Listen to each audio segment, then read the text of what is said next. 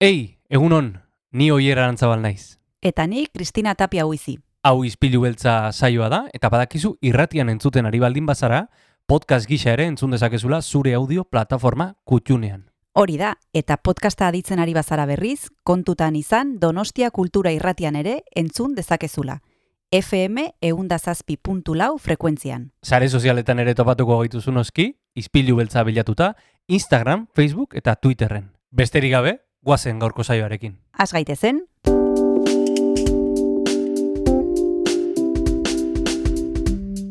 Ispilu beltza. Donostiako kulturaren berri, Oyer Arantzabal eta Kristina Tapia buizirekin. Egun honen zule asteazkena da, maiatzak hogeita maika ditu, eta mentxe gaude, izpilu beltzean.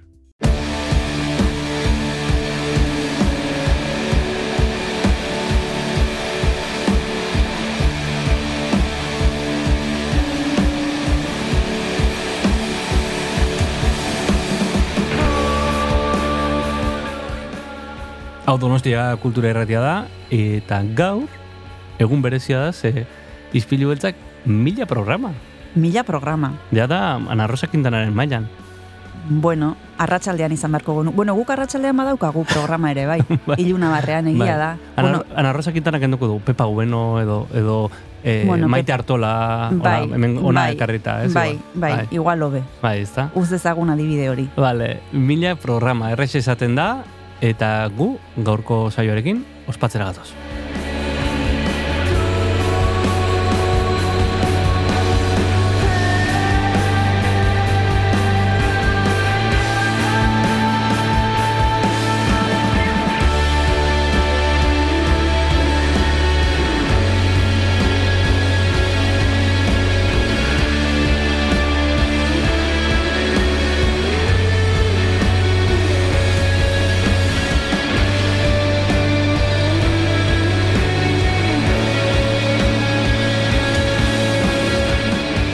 Milagarren programa, eta tira, e, indartxu gatoz gaurkoan, Kris. Indartxu gatoz, gaurko gonbidatuak izena du Nekane Aramburu. E, agian ezagutuko duzue, e, aditua delako artean, eta horregatik e, gonbidatu dute Santelmora, Mesa de Diálogo con Artistas izena du berak gidatuko duen maingurua, ekainaren bian izango da, Santelmon esan dugun bezala, zazpietan, eta bertan egongo dira berarekin Asier Perez, Peio Agirre eta Beatriz e, Silva artistak, eta egingo digu radiografia bat, larogeita marreko amarkadeko radiografia bat, jakiteko ze pasa zen artearekin garai hartan, eta esan bezala nekane aranburu gaur izango dugu, eta gainera Asier Errastiren musikarekin ospatuko dugu milagarren programa. Hori da, Xerre Errastik jarriko dio soinu banda mm, gaur ere, izpilu beltzari.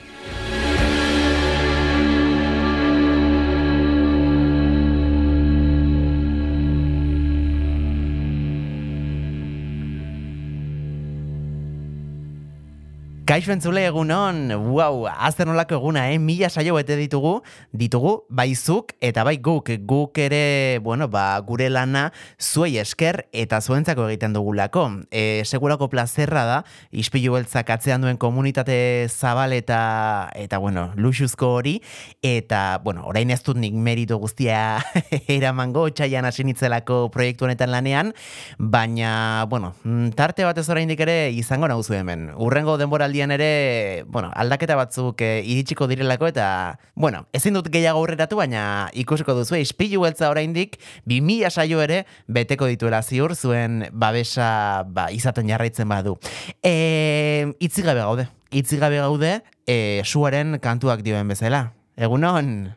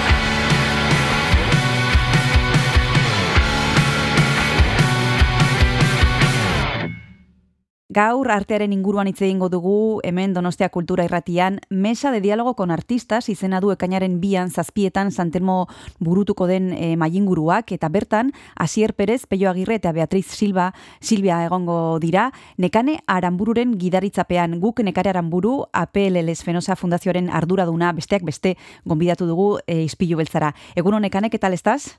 Egunon, muy bien, Bueno, gracias. El título que, que de la charla o de la mesa redonda que va a tener lugar el próximo 2 de junio en San Telmo es de lo más sugerente, Mesa de Diálogo con Artistas. Cuéntanos, ¿de qué vais a hablar eh, en esta mesa redonda, Necane?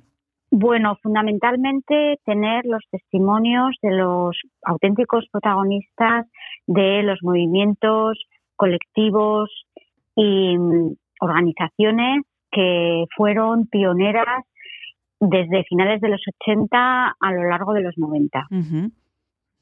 Esta iniciativa se enmarca en, en- en la, la exposición eh, Los Nuevos 90 y yo no sé qué, de qué nos va a servir echar la vista atrás. Hemos tenido ocasión de, disfrutar esta exposición, Los Nuevos 90, y decías que va a ser una especie de repaso a esos movimientos que, que ya, que ya fueron, que tuvieron lugar en, en el pasado, con la perspectiva ¿Cómo podríamos eh, repasar o, o decir que fueron aquellos momentos, Necane? Bueno, lo que muestra la exposición también son lecturas desconocidas en el ámbito de, de las artes visuales desde lo que es el epicentro de Donosti a la esfera vasca, nacional e internacional. Esta eh, nueva visión ofrece, digamos, nuevos focos a, a unas situaciones que realmente es- están muy cerca y están muy lejos. Mm, Sucedió en los 90 una transición de lo analógico a lo digital.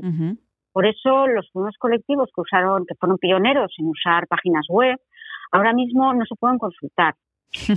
Tampoco existe mucho material porque muchas veces eh, se editaba o se difundía con un carácter bastante precario. No era el momento del fanzine, era el momento de la fotocopia. Mm, Entonces, todo este material no ha pasado como as- así como toda una serie de acciones, por ejemplo, performativas, no fueron de interés por parte de las instituciones, ya. con lo cual no pasó a los museos. Mm, De esta manera, eh, tampoco si no- uno no estaba en la, digamos, en la movida, entre comillas, pues la, la gente no tenía, no tiene acceso. Por eso es tan importante la labor que se ha desarrollado desde el Museo San Telmo de apoyar la digitalización de aquello que existía en plan analógico y luego sí que es cierto que lo que existía mm, a nivel digital de las primeras web o de los primeros eh, grupos de, de correos electrónicos eh, bueno, gracias a que yo llevo mucho tiempo investigando en, en estos asuntos y fundamentalmente porque eh, era mi tesis doctoral, yo tengo eh, impreso, por ejemplo, aquellos emails que ahora mismo es imposible consultar. Claro. Entonces, por una parte está que eh, la muestra ofrece una visión inédita de todas estas situaciones, pero además contribuye a rescatar aquello que, que si no va a desaparecer, Mm, que es también la función que tenemos en los museos, Mm, ¿no? Eh, servir de reservorios de la memoria. mm, mm, Todo lo que no está en un archivo en un museo no trasciende a la sociedad, mm, mm, con lo cual también hay una misión de rescate fundamental. Mm. y también porque la gente que lo vivió y que, que- que era activa en aquel momento, pues evidentemente está, por supuesto, muy activa ahora, porque tampoco han pasado tantos años, Mm. y que puede transmitirlo. Mm. Entonces, la transmisión oral, la, la relación intergeneracional, pues es fundamental. Has dicho antes, Necane, una cosa que me ha llamado la atención y es que las instituciones no estuvieron demasiado pendientes de estos movimientos. ¿Por qué fue así? ¿Y por qué hay momentos en los que se pone el foco en unas cosas y no en otras y a veces no se atina? ¿O por qué en, en su momento no, no llamaron la atención? Bueno, estos colectivos fueron autogestionados porque era una manera también de difundir sus trabajos porque no había otra. Sí que es cierto que había mm, comenzado a haber un apoyo institucional, sobre todo a través de, de becas, de, de ayudas, eh, luego un, un grupo de subvenciones por parte del gobierno vasco, Mm. pero digamos que se compraba pintura y se compraba escultura. No se estaba atento a los proyectos procesuales y evidentemente porque las instituciones en general no están a pie de calle. Mm. no están en, no están cuando se está forjando aquello. Ujú. Entonces, eh, sí que estuvieron algunos eh, críticos de arte, porque también en aquel momento no existía, hablo de primeros de los 90, no existía la figura de, del comisario, eran críticos que ejercían de las labores de comisariado. Entonces, Mm. sí que había, bueno, además lamentablemente desaparecidos como Francisco Javier San Martín o Xavier Saez de Gorbea, Mm. estaban en todo aquello y escribían. Hay algunos indicios en, en algunos medios de comunicación, pero realmente eh, lo que se ha transmitido ha sido mucha memoria oral. Mm. Entonces, pues evidentemente no. Si, si uno ve las exposiciones que incluso se hacían de revisión en 96-97, pues no se tenía en cuenta todas estas líneas que ahora, por supuesto, están ya reconocidas, ¿no? Ujú. y mm, claro, el momento de adquirir o el momento de tener visibilidad en las en las instituciones, eh, bueno, ahora se hace más difícil.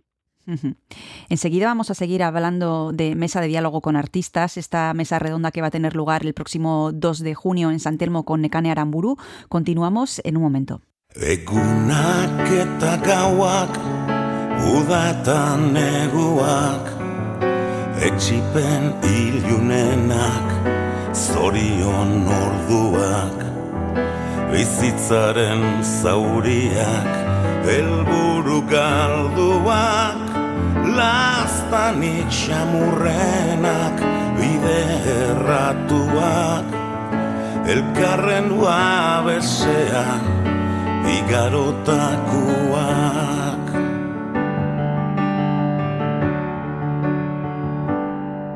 Egun zen senti...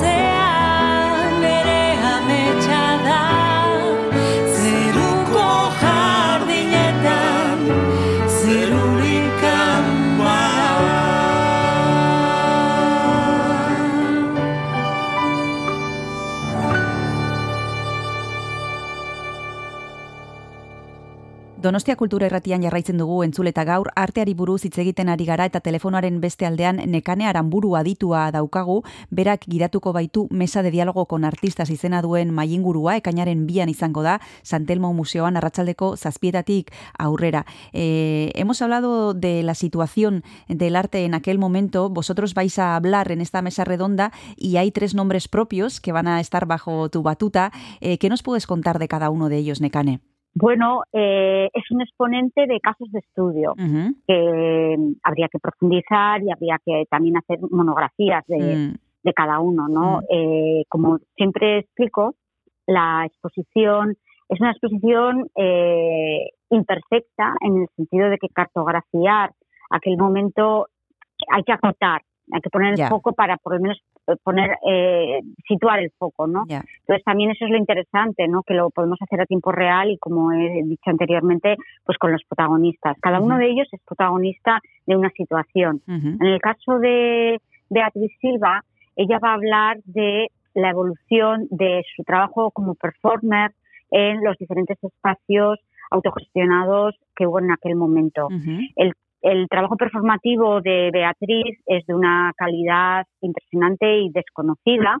Ha podido rescatarse a través de que era grabado en vídeo y, y las fotos de, de compañeros de la época, fundamentalmente Alejandro de la Rica, que también es un gran fotógrafo, Ujú. y mm, el seguir la secuencia de las performances de, en los espacios, además ella como promotora de un proyecto que fue eh, único, como fue Arte Nativa, que en la exposición no se habla de Arte Nativa, pero aparece de refilón a través de ella, por eso lo importante de compartir en esta mesa de diálogo. Y luego bueno fue progresivamente también bueno pues estuvo en Culturbar, estuvo en todos los movimientos incluso en las primeras acciones que se hicieron performativas en el depósito de aguas de Vitoria, Mm. cuando era de tierra, ni tan siquiera se había hecho el suelo, ¿no?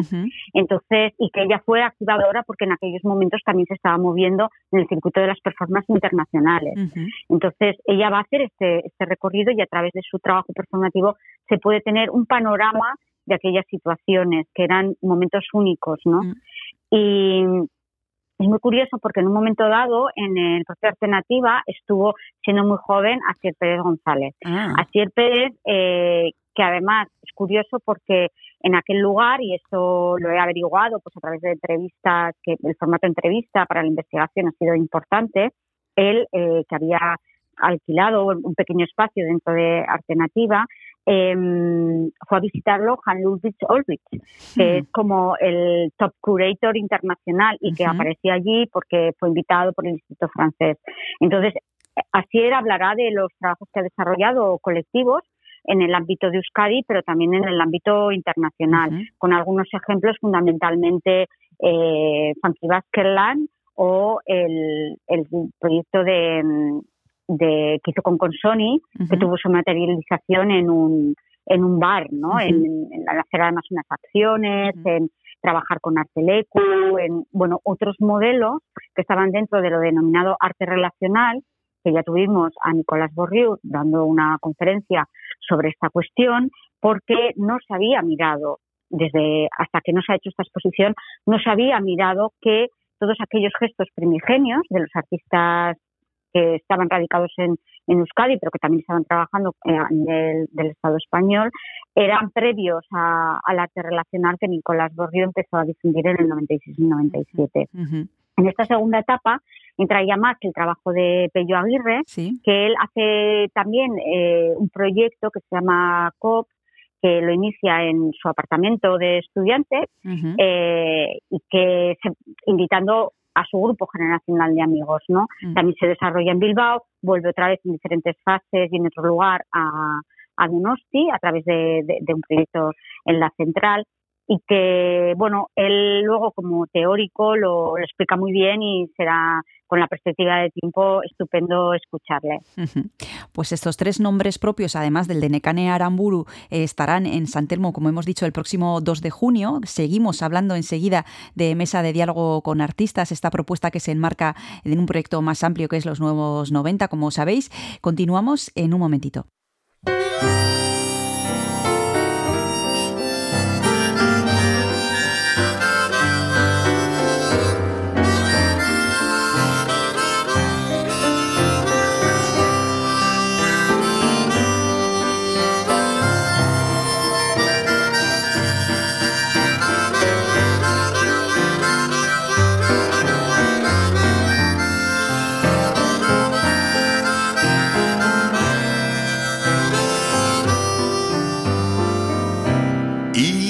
Ifarraldeko portu zaharra ekar dezagun kantara. Kale bustien sentimendua. Eda lontzien ikara Marinelenitz arrotzak guaina. Ginebra onaren dirdira. Gau biluzia sartzen zitzaigu. Egi zabalen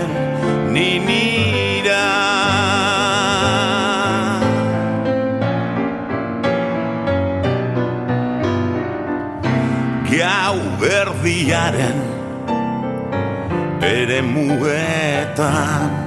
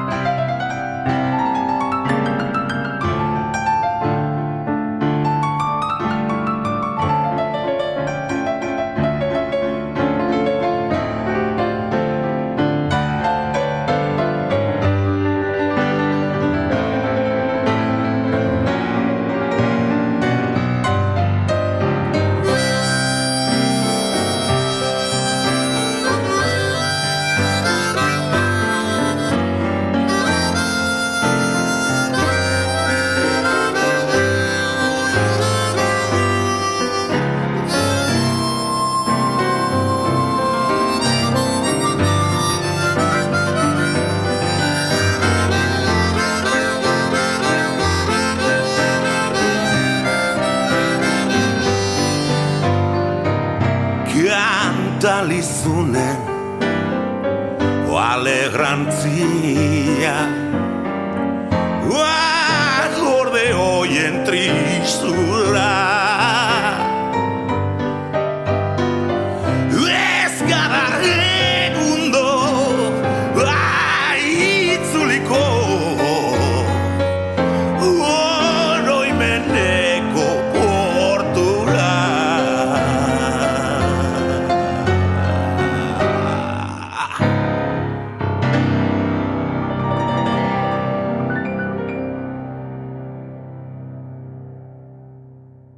Nekane Aramburu daukagu gaur telefonoaren beste aldean, bera artean aditua da eta mesa de diálogo con artistas izena duen maingurua giratuko du ekainaren bian. Arratsaldeko zazpietatik aurrera izango da Santelmo Museoan eta bertan egongo dira Asier Perez, Peio Agirre eta Beatriz Silva baita ere eta justo oraintxe bertan hitz egin digu eh, artista hauen inguruan. Eh, estamos intentando acercarnos a una época de la que, como decías al principio, eh, no hay mucha documentación, no hay mucho guardado y, y te, ha, te, ha, tocado a ti escarbar e intentar averiguar cosas sobre, sobre aquellas personas y sobre aquellos momentos, Nekane, eh, ¿cuál era el papel de la mujer en, en aquella época? ¿Era un papel activo? ¿Todavía había más hombres? Bueno, fue un papel fundamental y que no se ha reconocido. Uh -huh. eh, desde, bueno, los pequeños colectivos que, que surgieron por iniciativa de mujeres, eh, con mucho trabajo también en, en, el campo de la mediación. Uh -huh. Hay un proyecto que se llamó El puñalito y un puñado, que, que nació en Bilbao, pero que se extendió a más lugares. Había exposiciones de carteles. Cuando no se reivindicaba o no se utilizaba como un gesto eh, el feminismo, ¿no? Luego, posteriormente, en los 2000 nacen asociaciones como MAP o, o, bueno, tiene, o Montamos, que nació también en el Museo de San Telmo, o montamos mm. con Pilar Soberón, la plataforma A, que yo estuve ahí en el primer, activando el primer grupo de trabajo, pero eso fueron ya los 2000. Mm. Finales de los 80, los mediados de los 90, sí que existían grupos, eh, como por ejemplo también Transforma en Vitoria, y que, bueno, eh, tuvieron menos visibilidad y ha sido una historia muchísimo más, más discreta, ¿no? Mm. También es la, el, el, trabajo, por ejemplo, de artistas como Marisa González, que se tuvo que ir de Bilbao eh, y trabaja en Estados Unidos y luego ahora tiene una exposición, pero eh, bueno, no ha sido suficientemente analizado, ¿no? Ni reivindicado, ni sobre todo porque todavía hay mucho material y, y está bueno, está, hay una parte, por ejemplo, en el fondo de la Universidad del País Vasco, pero está sin catalogar, mm. eh, bueno, está disperso.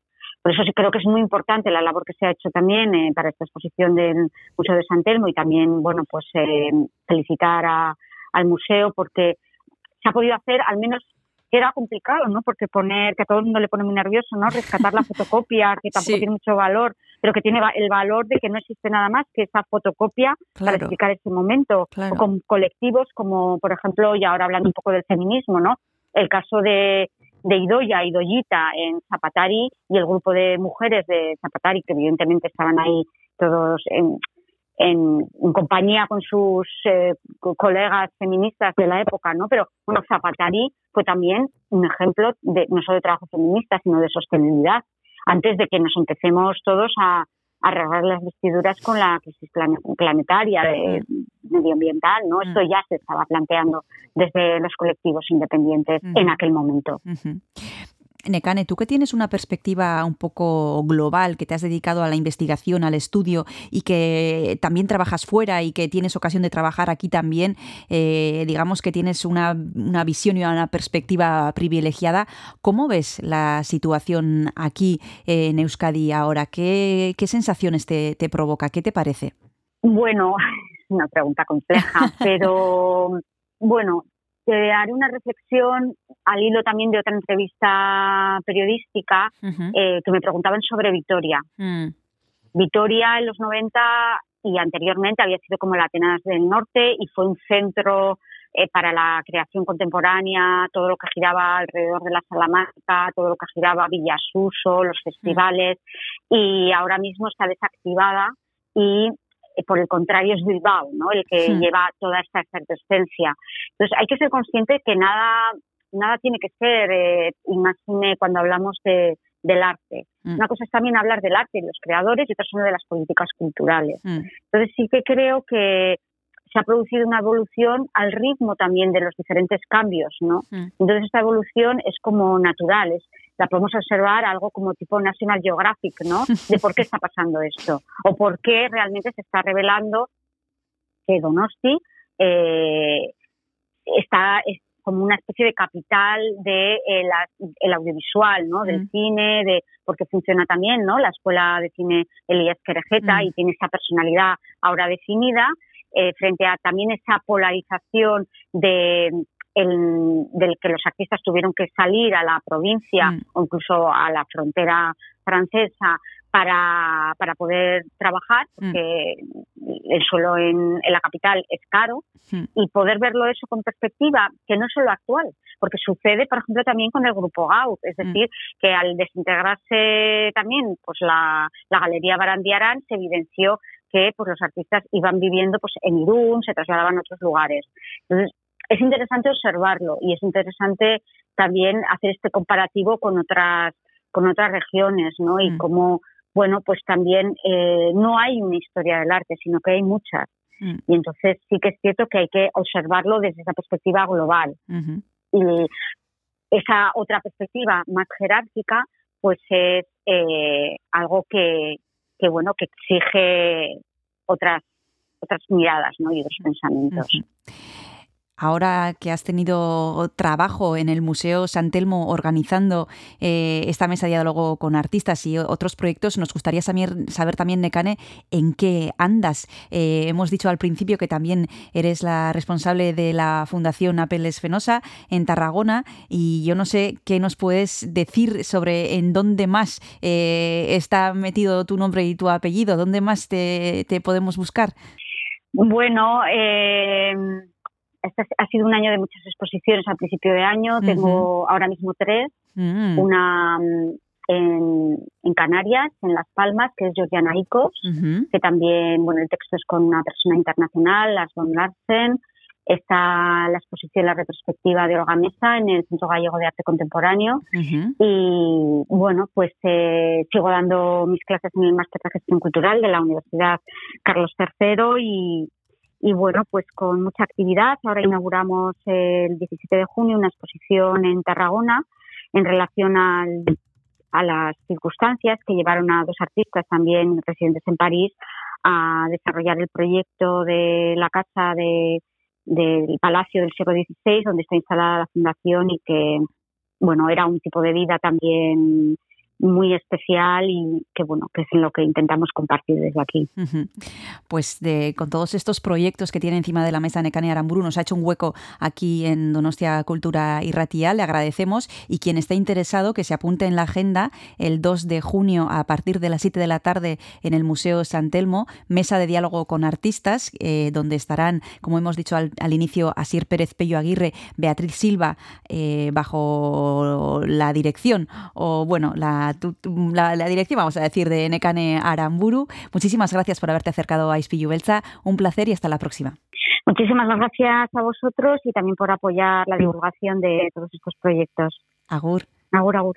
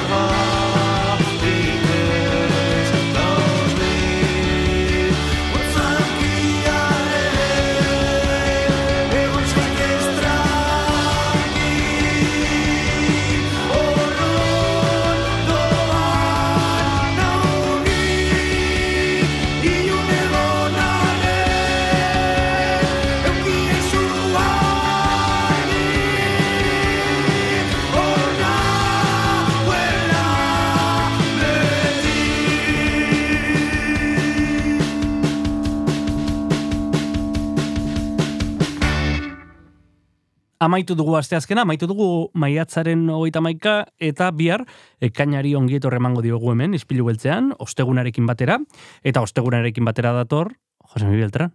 Josemi Beltran, badekizue kanen egon dela, Mhm. eta ja itzuli da aspaldi, baino seguru pelikula politak gomendatuko dizkigula hemen, batzuetan nosferatu aipatzen du, bat beste batzuetan zinema komertzialetan ikusteko aukera ditugun pelikulak, eta gainera izango dugu gurekin Mikel Otxoteko, artista donostiarra, berak eh, parte hartuko baitu artea abian proiektuan, badekizue e, Kutxa Fundazioa eta Santelmo Museoak antolatzen dutela, Mhm. eta e, hitz egingo digu bere azken lanaren inguruan Akiai Dragones.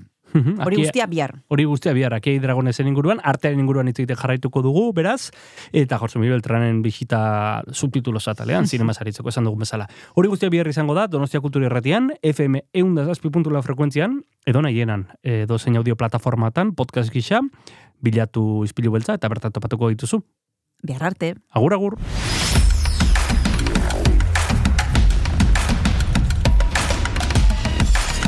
Donostia Kultura Irratia. Zabaldu gurekin Donostialdeko kulturaren leioa.